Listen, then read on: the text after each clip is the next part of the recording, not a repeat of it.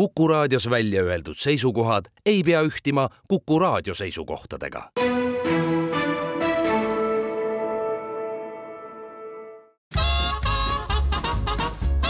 jäljed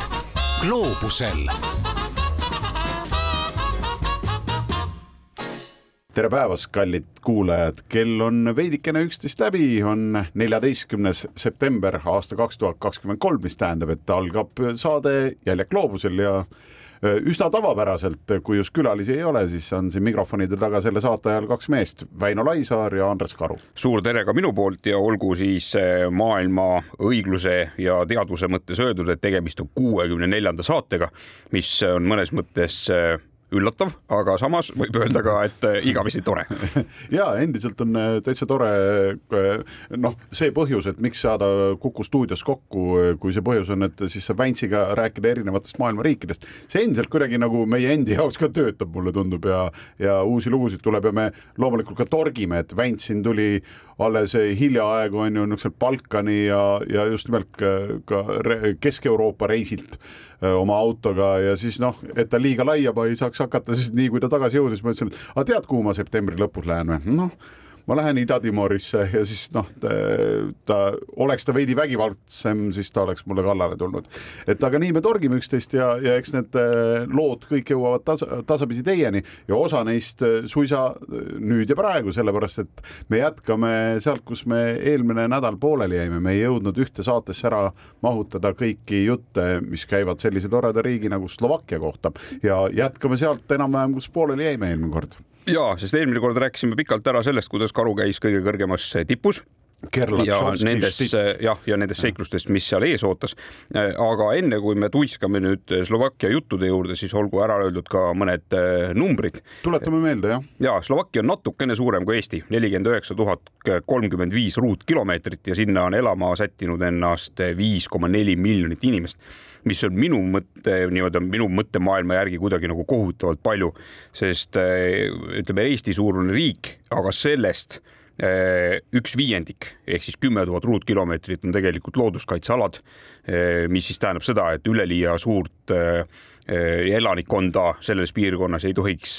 justkui olla on ju. nojah, samas kui mõelda, et kui äh, ega Lahemaa rahvuspargi territooriumil tegelikult on neid asulaid nagu üsna palju näiteks on ju, et noh, eks neil siis ka samamoodi, et äh, rahvusparkides elab ka, elab ka inimesi. ja eks nad on siis pigem võib-olla pressitud nendesse linnakestesse, mis sinna mäekurudesse jääb ja, ja mäekurusid jääb sinna muidugi meeletus koguses, sest tegemist on äärmiselt mägise riigiga ja, ja lisaks sellele, et on äärmiselt mägine riik, on ka kolmkümmend kuus protsenti riigi üldpinnast kaetud metsaga. jah, kui oled näiteks kõrgtatrates ja ja käidki seal Slovakkia kõrgemas tipus, siis sealt on nagu veel eriti ilusasti näha, et, et tatrad jagunevad ka nagu kolmeks, et on kõrgtatrad, kus siis ongi kõige kõrgemad tipud, siis on äh, kesktatrad ja siis on madaltatrad, noh eestlased oleksid õnnelikud ka, kui madaltatra kõrgused mäed meil oleksid, aga noh, jah, et neid on ilus vaadata ja tõepoolest, et kui kõrgematest tippudest, mis on üsna kaljused ja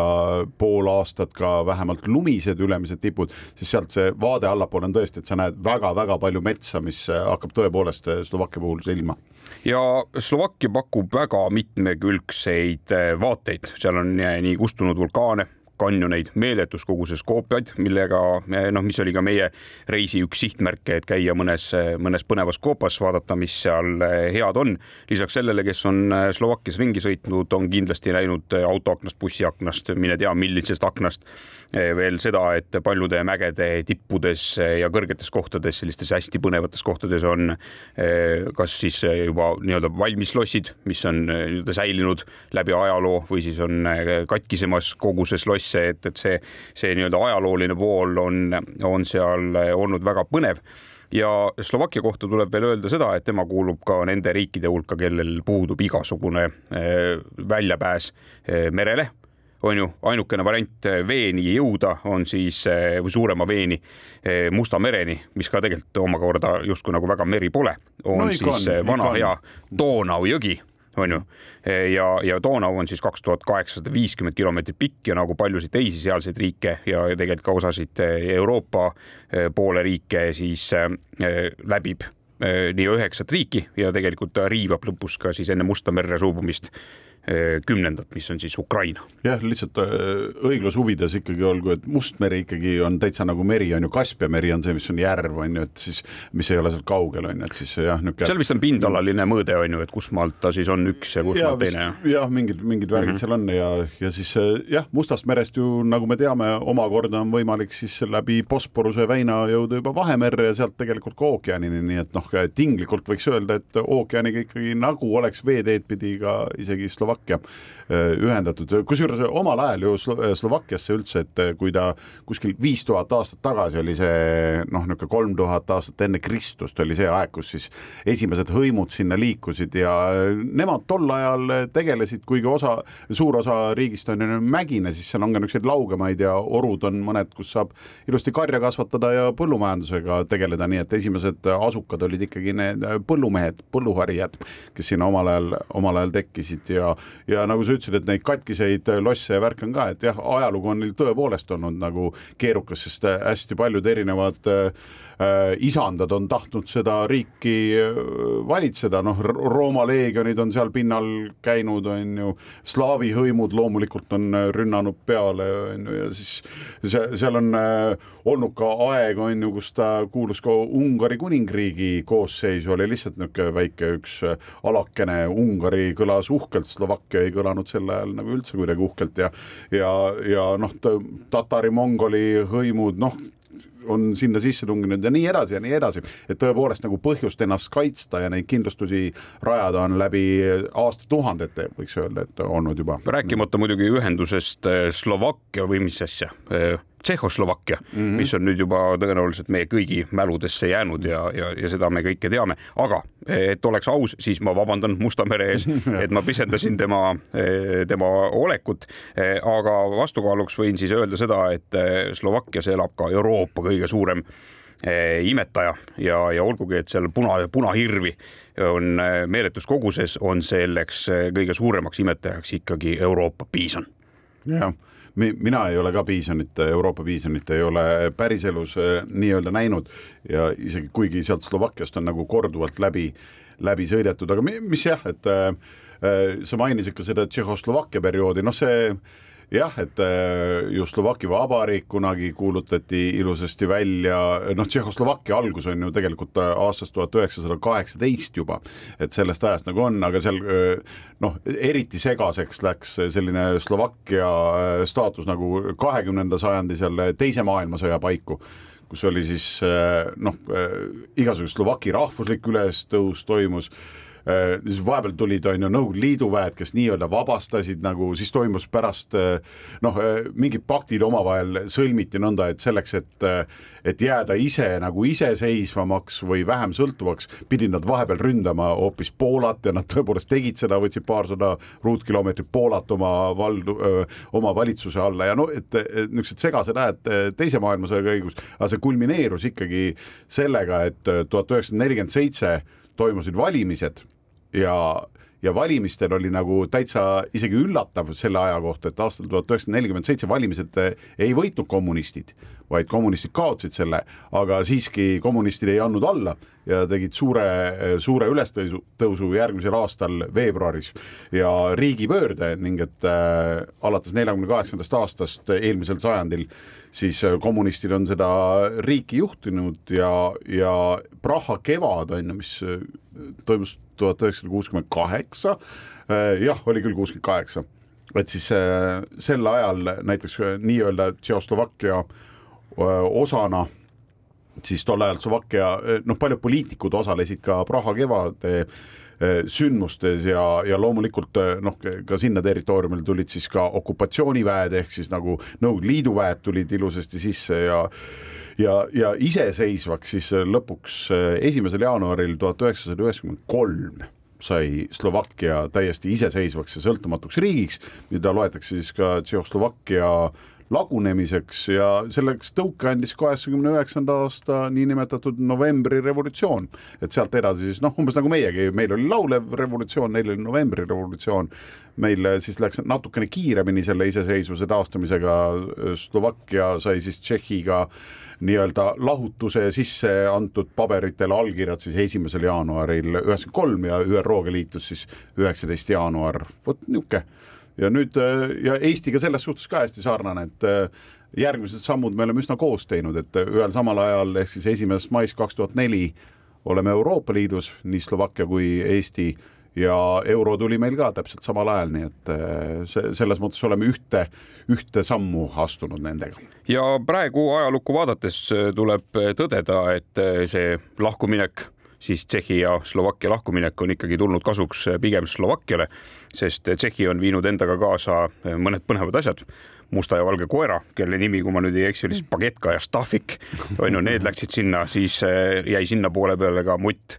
Krtek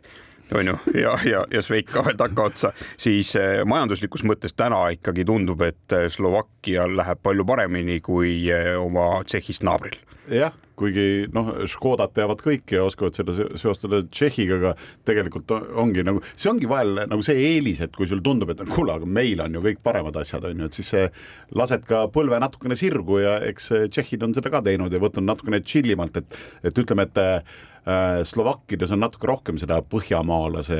verd ja eks nende olud on ka natukene külmemad kui Tšehhis, sest kui kasvõi kõrgemate tippude võrdlust tuua, siis kui Slovaki kõrgem tipp on kaks tuhat kuussada viiskümmend viis meetrit, Keratšovskis tipp, siis äh, üle tuhande meetri madalam on Tšehhi kõrgem tipp äh, Snežka, mis on tuhat kuussada kaks meetrit kõrgem. me oleme hetke pärast teie kõrvades tagasi.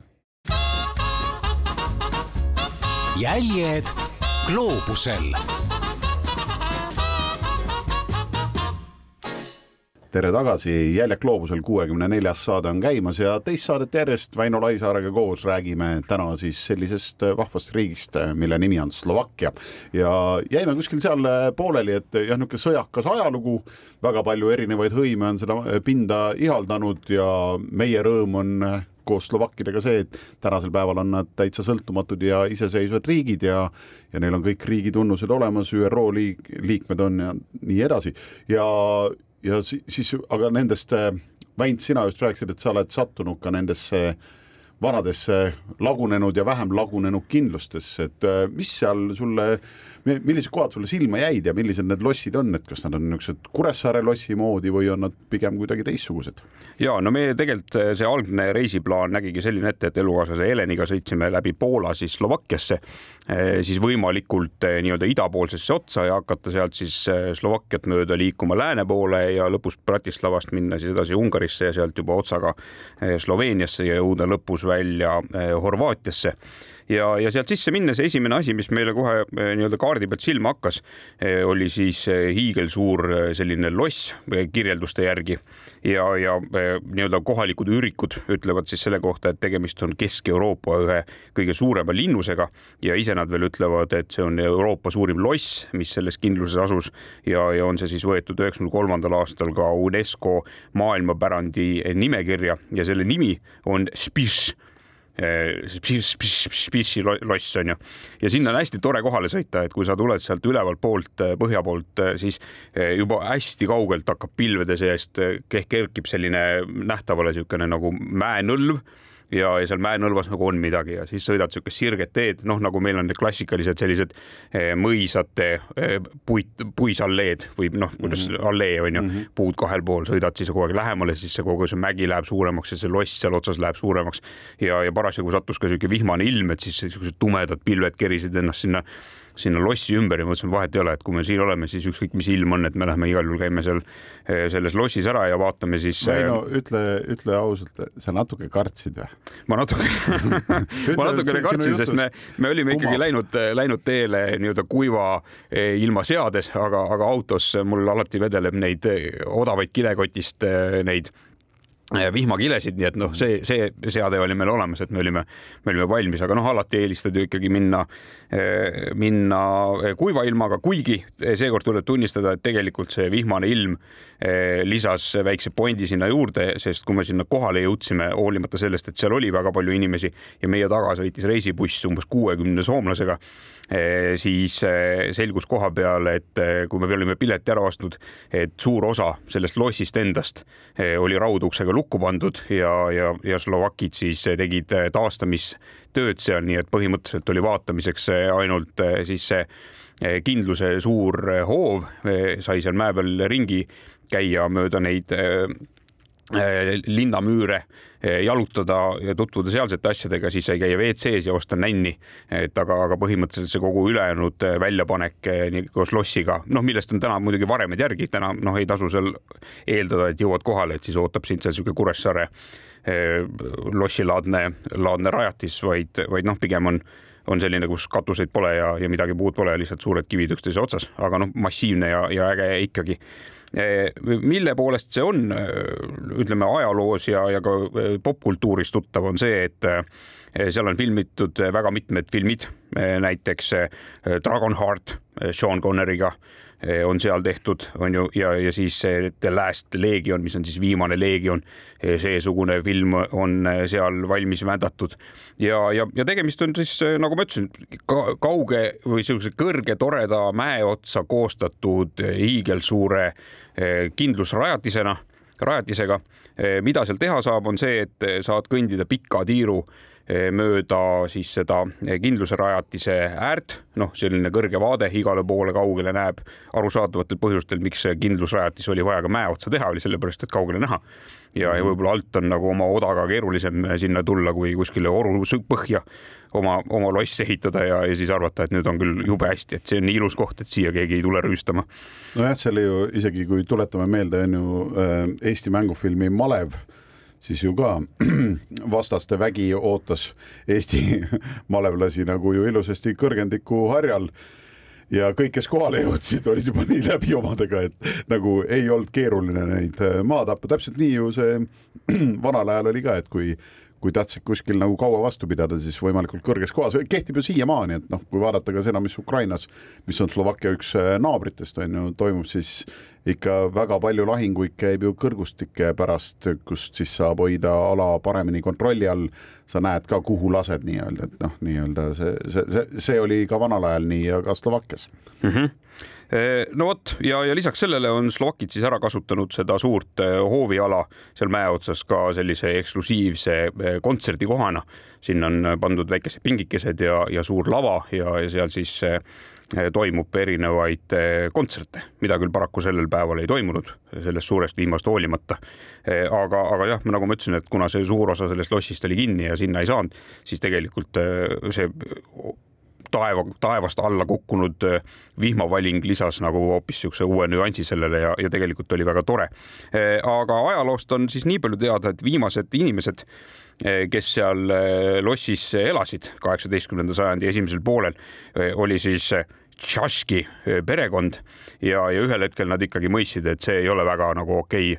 elukeskkond ja, ja otsustasid selle Eh, jätta eh, maha ja, ja minna siis oma uude lossi, mille nad olid lasknud mõni, mõni noh, natuke maad eemale ehitada. Eh, aga peale seda toimus seal suur põleng ja, ja selle kohta muidugi selle põlengu põhjuse kohta liigub erinevaid põhjuseid, erinevaid jutte, aga arvatakse, et siis Tšaški perekond pani ise selle lossi põlema, sest toona kehtis siis Slovakkia aladel selline seadus, et kui sul on majal katus peal, siis selle eest tuleb maksta makse. Ja, ja seetõttu nad siis äh, noh, põletasid kogu selle kindluse seal maha, et ei pidanud äh, selle nii-öelda mahajäetud kindlusega ka mingisugust rahalist taaka kaasas vedama. Kusjuures äh, see on jah, mingi, tegelikult on ju, kui Euroopas ringi sõita, siis selliseid paljude losside nii-öelda taastamine ongi jäänud selle taha, et nad on lihtsalt liiga suured et nagu, et noh, et ei ole neid miljoneid kuskilt nagunii noh, ka isegi riikidelt, noh, võib-olla oleks võtta, aga lihtsalt see, et sa paned need miljonid sinna sisse, taastada ära, aga lihtsalt see üle, ülalpidamiskulud on nagu nii tohutud, nii et see on ka paraku üks põhjus, miks nii mõnigi loss on ju lähima saja aasta jooksul, noh, ei ole ka need müürid enam tõenäoliselt püsti, mis, mis mingis suhtes jälle ajastu märk on ju ja jäävad nagu noh, need varemed on ka ju tegelikult üsna noh, imposantsed, eriti nagu sinu, kui teie läksite Heleniga sinna lähemale, siis kõik see, et see dramaatiline ilm ja ma kujutan ette, et need fotod, mis te seal tegite, et noh, kus tume taevas ja ja vihmapilved on nagu taustaks ja need varemed, et see on ikka, see on jälle asi, mida vaadata jälle teistpidi. ja noh, tõele au andes tuleb ka öelda, et ega toonastel mõisa ja lossi valitsejatel ei olnud ka paralleele ja, ja kogemusi pärida tänapäevastelt kreeklastelt, kes oma tavakodumajal lihtsalt seda kolmandat korrust valmis ei ehitagi, sellepärast et muidu peab hakkama makse maksma. jah, see laieneb päris palju ka äh, muudele nii-öelda Balkani riikidele, kus jah, tõepoolest on ainult raudvardad on kolmandal korrusel püsti ja siis äh, ja, ja me teeme, meil lastel, lapsed siin saavad täiskasvanuks ja siis me teeme neile kõigile äh, niisugused uhked, uhked elamised siia kolmandale korrusele. kusjuures veel äh,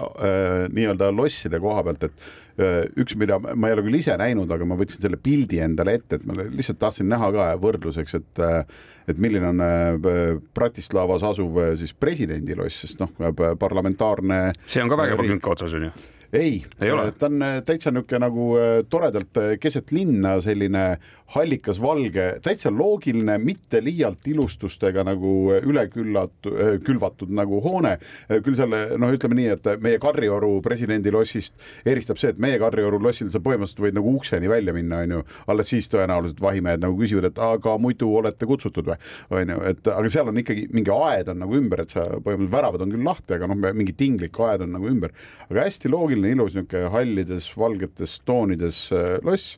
Ja, ja jällegi toon paralleeli Eestiga, et tõepoolest nagu nad kuidagi, nad on kuidagi meiega sarnased, et noh, öeldakse, et meiega on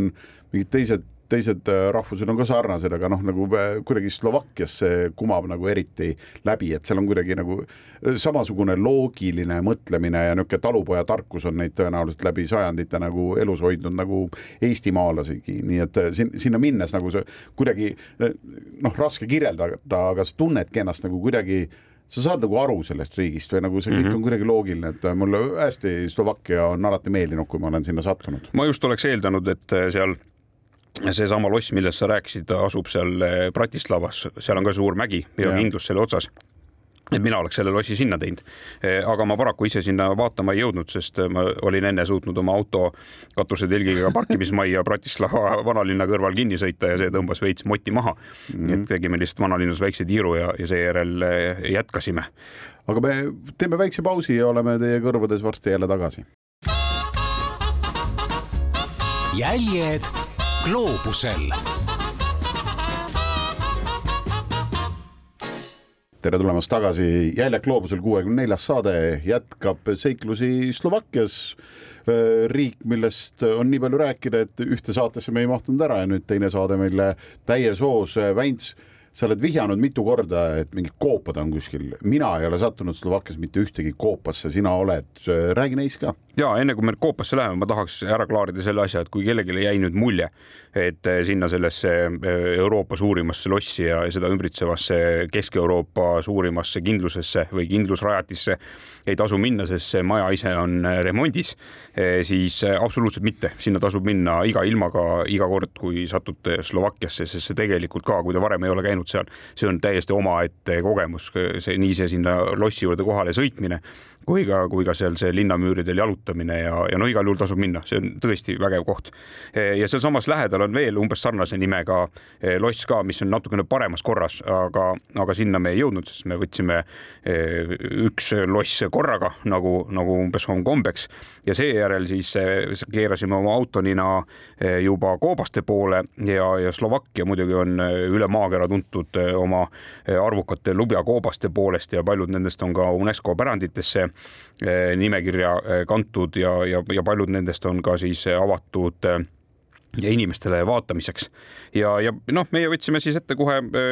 jälle kõige kuulsama kõige olulisema, mis on siis Slovakkia enim külastatud koobas ja, ja see kannab siis nime Demanovska vabaduse koobas ehk siis Cave of Liberty. kohalikus keeles on ta siis ka mingisugune tore nimi tal, on ju, ja, ja sellega on siis selline lugu, et see avastati tuhande üheksasaja kahekümne esimesel aastal ja, ja publikule või avalikkusele avati kahekümne neljandal aastal. nii et kolm aastat hiljem saadi ta juba sellisesse korda, et sai inimesi sinna sisse lasta ja, ja tema teeb niimoodi veidi eripärasemaks see, et eh, sissepääs asub kaheksasaja seitsmekümne meetri kõrgusel. ehk siis sa tegelikult pead juba selleks, et sinna koopasse minna, olema merepiirist eh, tõusnud päris palju ja kogu koopa pikkus algusest kuni lõpuni on siis kaheksa tuhat ükssada kakskümmend kuus meetrit. paraku kõike seda kaheksat kilomeetrit seal maa all jalutada ei lasta, vaid tuhat kaheksasada meetrit on siis inimestele avatud mis on muidugi eripära, on see, et äh, sõitsime suure hurraaga sinna äh, Koopasse kohale. tee loomulikult oli täiesti fantastiline, nii nagu paljud äh, Slovakkia teed. automatkajana, kindlasti ka rattamatkajana, ükskõik millega sa matkad, on ju, on need mägiteed alati toredad sõita, eriti kui sa tuled siit Eestist, kus on noh, mõned künkad ja ja üks, üks tore mägi, mida ma siin eelmises saates Mustamäega kogemata segamini ajasin Munamäe pähe. aga see selleks, jõudsime kohale, selgus, et käsi oli ees. koobas oli kinni ja, ja koobas oli kinni olnud tegelikult juba aasta aega eh, sest slovakid vahetavad seal koopas mingisugust valgustust, aga vist ei tule väga hästi välja. Eh, ja, ja seda, millal koobas lahti tehakse, seda loomulikult ka keegi öelda ei osanud ja kodulehe peal ka kirjas ei olnud. nii et kui keegi nüüd selle jutu põhjal plaanib sinna koopasse minna, siis äh, ei tasu, on kinni. hoidke oma hobuseid. ja aga hobuseid tasub hoida veidi vähem kui sinna koopasse sõites, sest enne sinna koopa juurde jõudmist, võib-olla üks kilomeeter varem, eh, on tee ääres eh, samad kätt, vasakut kätt, noh, põhja poolt sõites. Eh, järgmine koobas, mille nimi on siis üllatavalt sarnane, Demanovska jääkoobas ehk Ice Cave ja, ja, ja sellele noh, siis tasub seal seisma jääda. meie paraku selle reisi käigus ja ei saanud ka sinna koopasse, sest senikaua, kuni me käisime seda Vabaduse koobast vaatamas ja sinna ukse peale kraapimas, selgus, et see jääkoobas oli selleks päevaks pandud kinni. ja kuulajatele, et te ära ei eksiks, kui te tulete selle Vabaduse koopa poolt ülevalt alla, siis jääb jääkoobas paremale. absoluutselt Eh, aga öeldi, et ole lahke, tule hommikul kell üheksa tagasi ja, ja siis saate sinna jääkoopasse ka sisse. ma pean tunnistama, et see jäi siiamaani mulle kripeldama, et meie eh, nii-öelda reisikavasse ei mahtunud seda, et me kuskile eemale ööbime ja, ja siis tuleme hommikul sinna tagasi, sest meil ikkagi põhisuund oli sinna Horvaatia lõpupoole ja, ja olime endale neli-viis erinevat eh, olulist punkti Slovakkiasse maha märkinud, mis kõik tuli läbi sõita. nii et ei olnudki, sõitsime üles suure tee peale välja, otsisime sealt õhtupimeduses endale kergemaks ööbimiseks ühe teeäärse kämpingu, mis oli maast laeni rahvast täis hommikul muidugi tuli välja selle põhjus ka, miks oli maast laeni rahvast täis, sest see on hästi populaarne matkapiirkond ja, ja kogu see nii-öelda mäenõlm, mis siis selle kämpingu taga taeva poole kõrgus, oli ääreni kõikvõimalikke matkaradasid täis ja seal oli igasuguseid seenelisi ja marjulisi ja, ja kõik. aga noh, õnneks mahtusime sinna ääre peale magama ja hommikul võtsime siis suuna juba järgmise vaatamise, vaatamisväärsuse poole. ja täpp oli kaardi peale pandud sellisesse kohta nagu Šalas, Krainka mis on siis oma olemuselt küll sellisesse vanasse näidis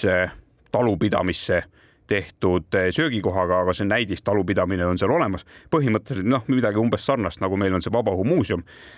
aga oluliselt väiksemates mastaapides ja, ja saab seal kõvasti siis traditsioonilisi asju süüa. aga seal on vaatamiseks siis väljas paar huvitavat maja ja mis need majad huvitavaks teeb, on see, et, et sinna on siis seina peale kinnitatud sellised puust erinevad nikerdused, erinevad kujutised, eh, mille peale on maalitud pildid, ehk siis eh, need majad on puust, palkmajad on kõik kaetud selliste nagu mingite väikeste tahvlitega. noh, iseenesest jälle väga põnev vaatamine ja, ja selles piirkonnas ja selles majapidamises on siis väga pikka aega nii-öelda toimunud selline juustutööstus ja, ja lambaaretuskeskus ja lambakasvatuskeskus mõned pudulojused olid pandud ka vaatamiseks välja, pigem nagu väiksematele Eh, külastajatele, aga see-eest oli siis eh, avatud seal lisaks sellele suurele restoranile, noh, suur on muidugi nüüd väga tinglikult öeldes normaalse suurusega, aga heale restoranile ka võimalus osta siis kohapeal küpsetatud erinevaid toredaid pirukaid, mis olid küll hästi rasvased, aga kohutavalt head ja, ja siis eraldi maja oli siis tehtud kohaliku juustu tarbeks. ja kõige huvitavam leid, mis seal oli, oli siis selline nagu noh, meil müüakse vaata see puksiirjuust, mis on see juustupats selline noh, nagu köiejupp ah,. no vot, aga seal ta oli sellises kujus. puksiirjuust et, et seal ta oli sellises kujus, et ta oli umbes sihuke nelja, nelja sentimeetri laiune mm -hmm. riba, mis oli rulli keeratud ehk siis ta oli nagu sihuke nagu, nagu rusikas, aga, aga lihtsalt hakkasid nagu otsast, otsast teda lahti rullima ja no taas eh, hiiglama eh, hea ja hiiglama mõnus asi eh, ja, ja mis teeb tema külastamise hästi lihtsaks, on see, et, et tegelikult ta on suure tee ääres Mm -hmm. ja, ja, ja võib-olla esimese hooga mõtled, et ah, mis seal ikka on suure tee ääres kohe siinsamas, et sõidan läbi, aga tegelikult, kui, kui tahta natukene nii-öelda sellele eh, Slovakkia traditsioonilisele eh, arhitektuurile või sellele palkmaja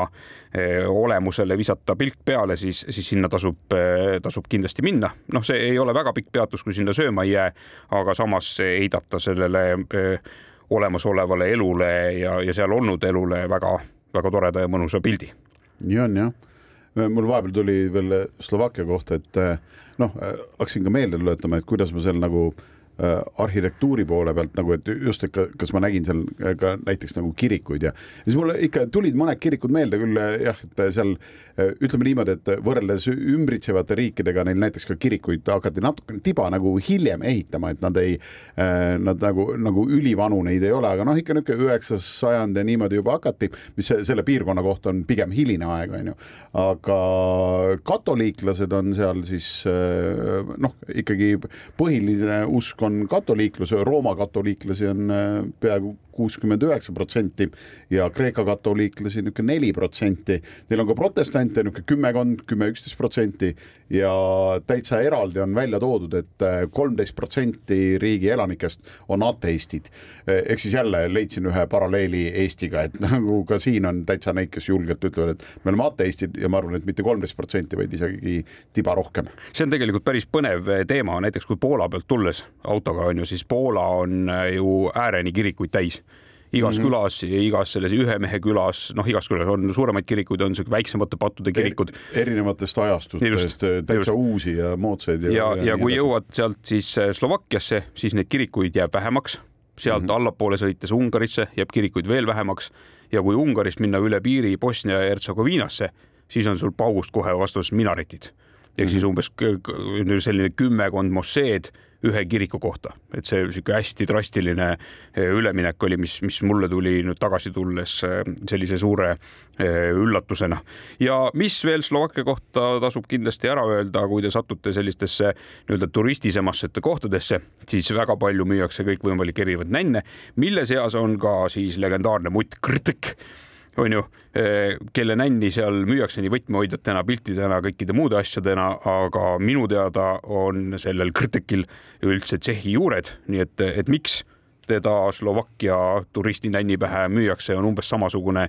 müstiline arusaam, nagu meil neid matrjoškasid müüakse. ei no matrjoškad ja teine on ju merevaik on ju, et noh, mida ka, et okei okay,, Balti meres seda tõepoolest leiab nagu erinevates kohtades ja me oleme ju ka Balti mere ääres, aga noh jällegi äh, pigem omistaks ju selle au nagu natukene lõunapoolsetele meie naabritele, Lätile, Leedule, pigem Leedule rohkem isegi jah, nii on. Äh, me teeme veel ühe väikese pausi ja siis äh, proovime Slovakkia otsad kokku sõlmida, sest hakkab meie teine saade Slovakkiast vaikselt läbi saama. jäljed gloobusel tere tulemast tagasi, Jäljak gloobusel kuuekümne neljas saade on äh, käimas, Väino Laisaar ja Andres Karu tervitavad teid nagu ikka. Äh, Slovakkia otsad nüüd peame kokku sõlmima. Äh, ma hakkasin isegi mingil hetkel hakkasin mõtlema nagu selle peale, et vaata, et just seesama võrdlus Tšehhiga ja see, et nagu majandusel läheb hästi, mul tekkiski kohe see küsimus, et huvitav, et kui hästi nende majandusel läheb või mis see, mis see siis on, mis toob neile nii-öelda tulud ja selgus, et SKT-st äh, kümmekond aastat tagasi siis moodustas kuuskümmend üks protsenti äh, teenindussektor. Ja tööstus tegelikult täitsa veenva kolmkümmend viis koma kuus protsenti. mina noh, mäletades, et ja korra välja öeldes ka, et algas ju kõik ikkagi see, et nad hakkasid, põlluharijad tulid sinna Slovakkia territooriumile, siis tänaseks päevaks SKT-st põllumajandus moodustab ainult kaks koma seitse protsenti. et see on ikka suht, suht väikene. no samas number. metsa peaks olema sealt ju kuhjaga välja vedada. no vot, no vot, aga nagu me oleme ka mitu korda öelnud, on ju, viiendik sellest metsast on nagu kaitse all, on ju, või noh, isegi rohkem meie metsastest viiendik kogu territooriumis praktiliselt on ju kaitse all. Kolmkümmend kuus protsenti riigi territooriumist on äh, metsade all. oh, see on hea protsent, sest kolmkümmend kuus protsenti nende ekspordist moodustavad masinad ja elektrikaubad. nii et tehnoloogiliselt üsna edukas riik. Äh, viiendiku sõidukid sõidukeid toodavad, nii et viiendik nende ekspordist. kui nüüd äh, hästi meenutan, siis sõitsin mööda Volkswageni tehasest. no näed, ja siis on veel baasmetalle niisugune veidi üle kümne protsendi kemikaalid ja mineraalid peaaegu kümme protsenti ja plastikut niisugune viis protsenti äh, siis äh, nagu välja veetud asjadest siis, mida nad müüvad oma ja müüvad nad peamiselt äh, Kesk-Euroopasse. Ja ka noh, Suurbritannia, Prantsusmaa, kõik naaber, naaber Tšehhid ja kõik need Poola, Ungari, Itaalia, kõik on nende, Austria ka loomulikult on nende, nende nii-öelda partnerid, kellele nad müüvad ja ostavad ka naabritelt asju sisse ja loomulikult ostavad ka natukene Aasia poolt ehk siis Lõuna-Korea ja Hiina on ka siis nende head eh, nii-öelda, kes impordivad siis Slovakkiasse kaupu, nii et üsna toredad kaupmehed ja, ja tehnoloogiliselt öö, oskavad seda riiki hoida nagu päris ilusti järje peal vot see, aga me väntsin ka nii-öelda mitte kaadriväliselt, vaid siis mikrofoni väliselt, sa korra vahepeal ütlesid, et mingi märgusõna joonistatud küla. Ja, ja see oli ka meil suur punkt sinna tee peale märgitud. Ja, ja kui see eelmine oli selline noh, nii-öelda näidisküla, mis võib-olla oli sinna selle koha peale kokku pandud ja, ja, ja räägitud sinna juurde see jutt, kuidas seal on eluaeg lambaid paljundatud ja, ja, ja juustu tehtud erinevatest asjadest, siis Tšičmani on selline, ütleme, kes Slovakkiasse satub, tasub igal juhul eh, lüüa Google'isse sisse või, või siis navigatsiooni sisse, et see on ibetabane eh, selline tore küla, mil sarnast mina ei ole varem kusagil kohanud. küll tõsi, üks selline maalingutega äh, savist tehtud äh, küla oli Burkina Fasos mis, mis oli ka täitsa nagu erisugune, aga seal on tegemist siis sellise palgist, nii-öelda palkmajade külaga. Ja, ja need on, eripäraks on see, et nad on kõik selliseks nagu tumedaks, siis justkui nagu tõrvaga võõbatud, et need palgid seal paremini vastu peaks, aga selle jaoks, et seda terava päikse eest kaitsta neid palke tumedaks võõbatud paike, siis hakkasid kohalikud sinna joonistama peale valgega selliseid geomeetrilisi ornamente et need majad on kõik eh, tehtud selliste toredate joonistustega kätte, siis on selline mingi veider eh, linnumotiiv käib iga maja pealt läbi eh, ja, ja no ühesõnaga, see on selline küla, kuhu kui sa üldse midagi tahad Slovakkias teha, kui sa ei ole just ainult suusatamise pärast sinna läinud, siis sellesse külla tasub minna. Ja eriti, kui sa oled automatkaja, motomatkaja, jalgrattamatkaja, siis tasub sinna minna, sest ükskõik kummalt poolt sa sellele külale lähened, see tee on sada protsenti sõitmist väärt niisugune klassikaline mägitee serpentiinidega, selliste nõelasilma kurvidega, paksu metsa vahel, vahepeal oled nagu jälle ava, avarama koha peal, kaljuseinad, üliäge, noh, lihtsalt super koht. ja, ja selle külaga on siis selline lugu, et see üheks, tuhande üheksasaja seitsmekümne seitsmendal aastal võeti üldse kaitse alla kui sellise nii-öelda arhitektuurse eh, reservaadina, et mm, -hmm. et, et sinna on täna küll külge kasvanud juba ka kaasaegsem asula uuemate majadega, siis seal samas selle taga asub ka eh, suusanõlv mida kindlasti paljud inimesed eh, külastavad, aga, aga ütleme, kui suusatamise mõttes Slovakkiast rääkides, siis seal on oluliselt nagu ägedamaid kohti ja, ja ägedamaid neid suusakuurorte asju. aga selle, selle küla juures saab ka ja sinna noh, soovitan ise mitte suusainimesena. mul pole õrna aimugi, kas seal on head mäed, aga, aga noh, mingi suusanõlv seal oli, sest tõstukid viisid ülesse ja, ja mõned majutusasutused olid sinna ehitatud ka. kusjuures eh, nii palju tean suusatamise kohta, et eh, mõned parimatest äh, Slovakkia suusanõlvadest ei ole üldse kõrgtatrate nõlvadel, vaid just nimelt on nende kesktatrate nõlvadel. Ja selle, nii palju kui mina olen aru saanud, ka üldse mitte olles nagu suusainimene, siis äh, Slovakkiasse või noh, siis Tatra mägedesse nagu suusatamine minna, peamised põhjused on muidugi hinnaklass ja see, et nad ei ole Eestist nagu kaugel, ta on ikkagi selline koht, kuhu sa ühe ööbimisega sõidad ju oma autoga ka kohale ja selles suhtes on nagu mugav minna. ma, mina olen seal nii-öelda suusatajatele mõeldud elamiskohtades ööbinud väljaspool suusahooaega ja siis on need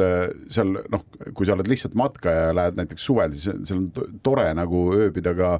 noh, näiteks septembris-oktoobris, sest hinnad on hästi, no eriti soodsad veel, niisuguseid kodumajutusi ja selliseid äh, booking us lihtsalt leiad mingi koha, noh, need on äh, superhindadega ja väga ägedad kohad ja väga toredaid maitseid saab sealt kodust kööki. pakutakse sellist täiesti jälle eestlasele väga arusaadavat äh, nagu toiduvalikut, liha, kartul, kõik need asjad on olemas, erinevad juurviljad, äh, värgid, et, et seda ma kindlasti julgen soovitada, et minge julgelt ka väljaspool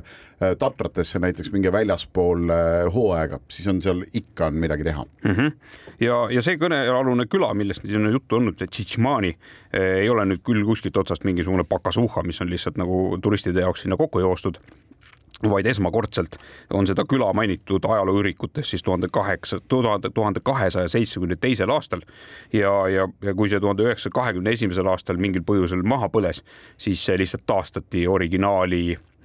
sarnasena ja, ja sinna külge on siis ajapikku nüüd kasvanud natukene värskemat küla ka, aga see nii-öelda eh, täismaalingutega ja ornamentidega küla on eh, nii-öelda ühed selle alguse poole peal olemas, edasi lähevad juba natukene tagasihoidlikumad, kaasaegsemad majad, millele mõni noh, tõenäoliselt inertsist on ka jooned peale tõmmanud ja, ja, ja tunneb siis nii-öelda sellist lähedast samad südametuksed selle vanemate osadega ja, ja selle, selle traditsioonilise külaga. küll ma pean ütlema, kui sa siin juba eelnevalt rääkisid seda, et hooajaväliselt on Slovakkias hinnad täitsa head, siis ma pean ütlema selle küla kohta seda, et tegemist on siiski turistikohaga, aga sellest hoolimata tegime seal kohapeal väikese sellise pausi enne edasisõitmist, võtsime kaks suurt kohvi ja jäätised ja see kõik maksis kokku kuus euri et mm, -hmm. et, et selles mõttes on need ka need turistihinnad eh, ikkagi üllatavalt eh, mõistlikud ja, ja, ja ja isegi lapsesõbralikud on jah, seal paljud asjad, et vot see, mida noh, meie eestlastena nagu kardame näiteks ka nagu mõnda kohta mägedes nagu oma lapsi kaasa võtta, sest noh, issand, ma ei tea, mägedes on ju, mis kivi veereb ja kõik värgid. Slovakid ei karda, sest nad on seal, seal ju kasvanud ju sama noh, pool, poolakad slovakid samamoodi kogu aeg tatrates ju ringi tatsunud ja, ja seal on tegelikult see, et selle peale on ka mõeldud, et sulle nagu paljud rajad on ju, et sa ei pea minema nagu tippu ronima, aga näiteks noh, mingi vist Tatra magistraal äkki isegi oli selle raja nimi, aga üks pikk rada lookleb nõnda, et ta kuskil seal tuhande viiesaja ja kahe tuhande kahesaja meetri vahel kuskil vahepeal kõrgemal, vahepeal madalamal teeb seal suure ringi ja sa võid seal, seal sa jalutades kohtadki nagu perekondi, kus äh, mõni laps on, on ju seljas või kõhu peal on ju vanematel ja, ja siis sellised äh, kuueaastased käivad juba täitsa ise, nii et noh, mida ma julgustan, et seal on üsna turvalised matkamisvõimalused ka perele, nõnda et võtke oma pisemad äh, liikmed kaasa ja see on tore, te jõuate jälle kuhugi järve äärde, seal on need majakesed, kus saab ka lapsele osta vahepeal motivatsioonišokolaadi nii-öelda ja, ja, ja nii edasi, et noh, tõesti väga-väga mõnusad kohad ja iga kell saad, iga natukese aja tagant sa saad alla ära tulla nii-öelda turvalisse, et läheb ilm käest ära, et siis sa saad laskuda kiiresti mingit rajalõiku pidi jälle alla kuhugi külla või linna ja sealt saada ja transpordiskeem, see, kuidas rong liigub seal kuskil, on bussid, kõik variandid on olemas, nii et sealt hästi turvaliseks on see seal loodusliikumine tehtud ka mägede külje peal. selle küla kasuks tahan veel öelda seda, et see on visuaalselt Äh, väga huvitav ja väga põnev ja kui on meeles või vähemalt proovin meeles pidada, äh, siis panen selle saate ajal ka sinna meie Facebooki lehe peale pilte ülesse. aga kui ma olen jäänud paar minutit hiljaks, siis näiteks Laisaarlase Facebooki lehe peal on kõik need pildid olemas, nii et sealt saab juba vaatama minna. aga enne veel kui me sinna külla läksime, siis meil oli kaardi peale märgitud veel üks äh, põnev koht, mis tundus hästi huvitav ja kuna me ikkagi kergelt nagu matkasuunitlusega läksime, siis mõtlesime, et jalalist liikumist on ka tore teha ja vaatasime, et Via Ferrata on üks äh, selline põnev äh, koht. süüvides selgus, et tegemist on sellise seiklusparkiga edasijõudnutele Eh, kus külastajad olid kõik eh, nii-öelda kaljuronimisvarustusega, kiivrid peas. Rajad läksid sellised Indiana Jonesi laadsed rippsillad suurte astmevahedega üle mäekurude, siis redelid läksid sirgelt mööda mägesid ülesse, lisaks siis veel need mingisugused sellised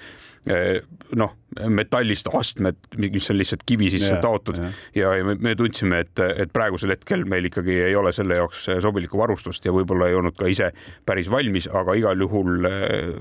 järgmisel korral, kui ma sinna satun, siis ma olen juba mentaalselt valmis ka sellele rajale minema. No Via Ferratad on siis jah kohad, kus tavaliselt pannakse ennast ka karabiiniga nii-öelda